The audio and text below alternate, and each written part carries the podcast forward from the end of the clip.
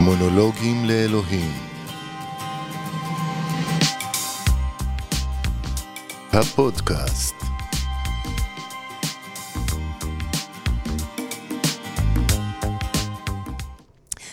זהו מונולוג מיוחד של אם של בת שאיבדה את כליותיה, את כליות בתה, וכמעט את בתה עצמה.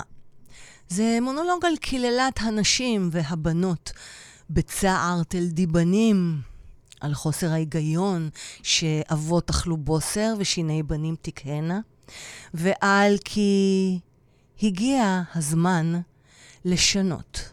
הגיע הזמן לשנות את החוקים הארכאיים שלא משרתים אותנו יותר.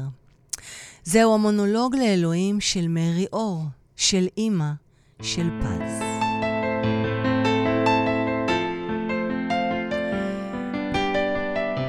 אלוהים יקר, כאן מרי אור, אימא של פז. האם תוכל לפנות לי כמה דקות? איפה אתה? אני יודעת ש... אני יודעת שאתה מאוד עסוק, אבל בבקשה ממך. פנה לי זמן, תודה. אז מה שלומך, זוכר אותי? 1989, סוף אוגוסט, תל השומר.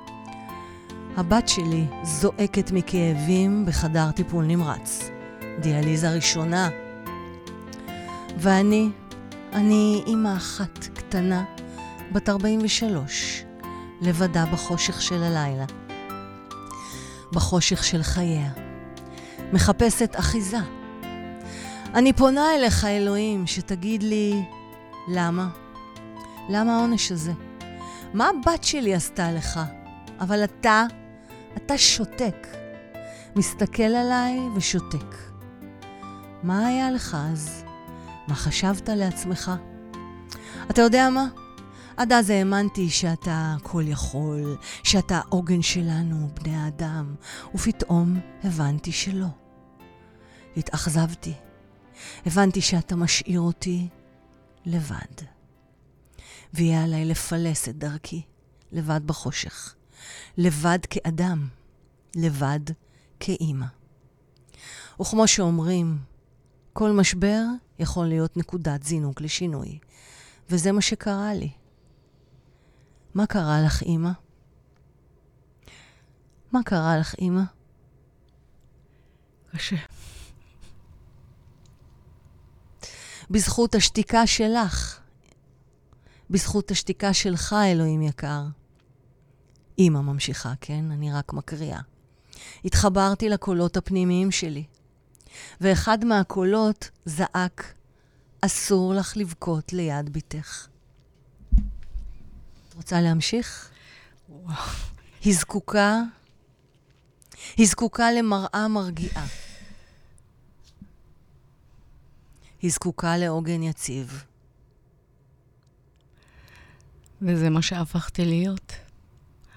הפכתי לאימא שמשדרת ביטחון, גם במצבים הכי לא בטוחים. למה אני מספרת לך כל זאת? תמשיכי. פשוט כדי לפרגן לך, אלוהים. כדי לומר לך שגם מערכת יחסים שלא ממש סימטרית, כמו שהייתה לי איתך, יכולה להיות עבורנו צומת להתפתחות. אז וואלה, תודה לך, יופי. ועכשיו אתה בטח שואל את עצמך, נו, מריאור, מה עכשיו? מה אני רוצה ממך? מה השאלה שלי אליך? וכבר בטח נמאס לך מכל השאלות של כולם, כל השאלות שפז שואלת אותך. אז לא.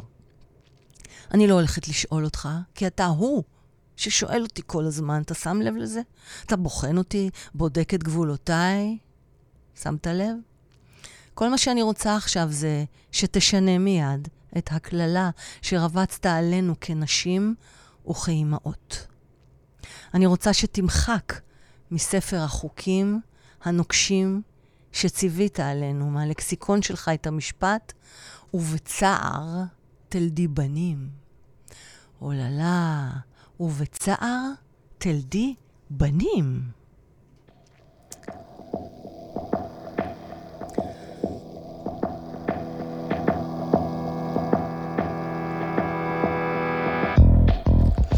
תגיד לי בבקשה, מה זאת הקללה הזאת? למה ללדת בצער? מה עשינו לך? למה העונש הזה? למה החלטת להעניש את כל הנשים על טעות של אישה אחת לפני יותר מפאקינג חמשת אלפים שנים? ובוא, בוא, אז מה? אז מה אם היא אכלה מהתפוח? טוב, זה לפרק אחר. אתה יודע מה? פשוט לא הגיוני שאב... שאבות אכלו בוסר ושיני בנים תקהנה. לא ייתכן שהבנות שלנו ישלמו את המחיר על הטעויות שלנו כאימהות. אלוהים יקר, אתה חייב להסכים איתי שהמסרים שלך על שכר ועונש משפיעים במידה רבה על התקשורת בין בני אדם בכלל ובין אם לבת בפרט. אז תשנה את זה בבקשה. מרי אור, את רוצה להמשיך?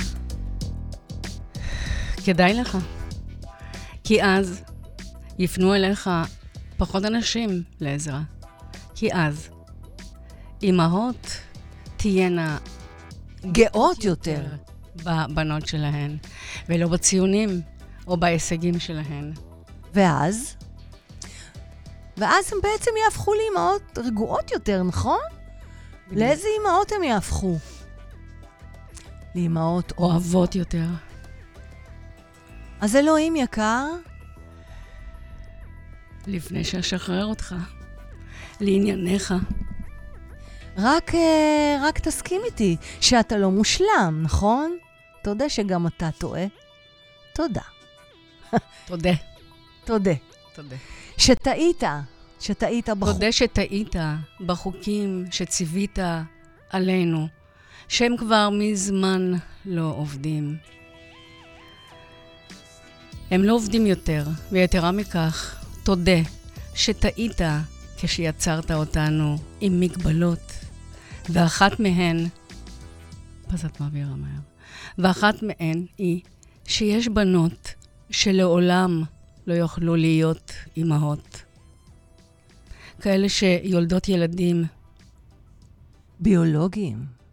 ואחת הבנות הללו היא בתי פז. ותחשוב על זה. זה היה מונולוג לאלוהים של uh, מרי אור על אם ובת. תודה שהקראת. תודה שכתבת. אנחנו היינו במונולוגים לאלוהים. מונולוגים לאלוהים. הפודקאסט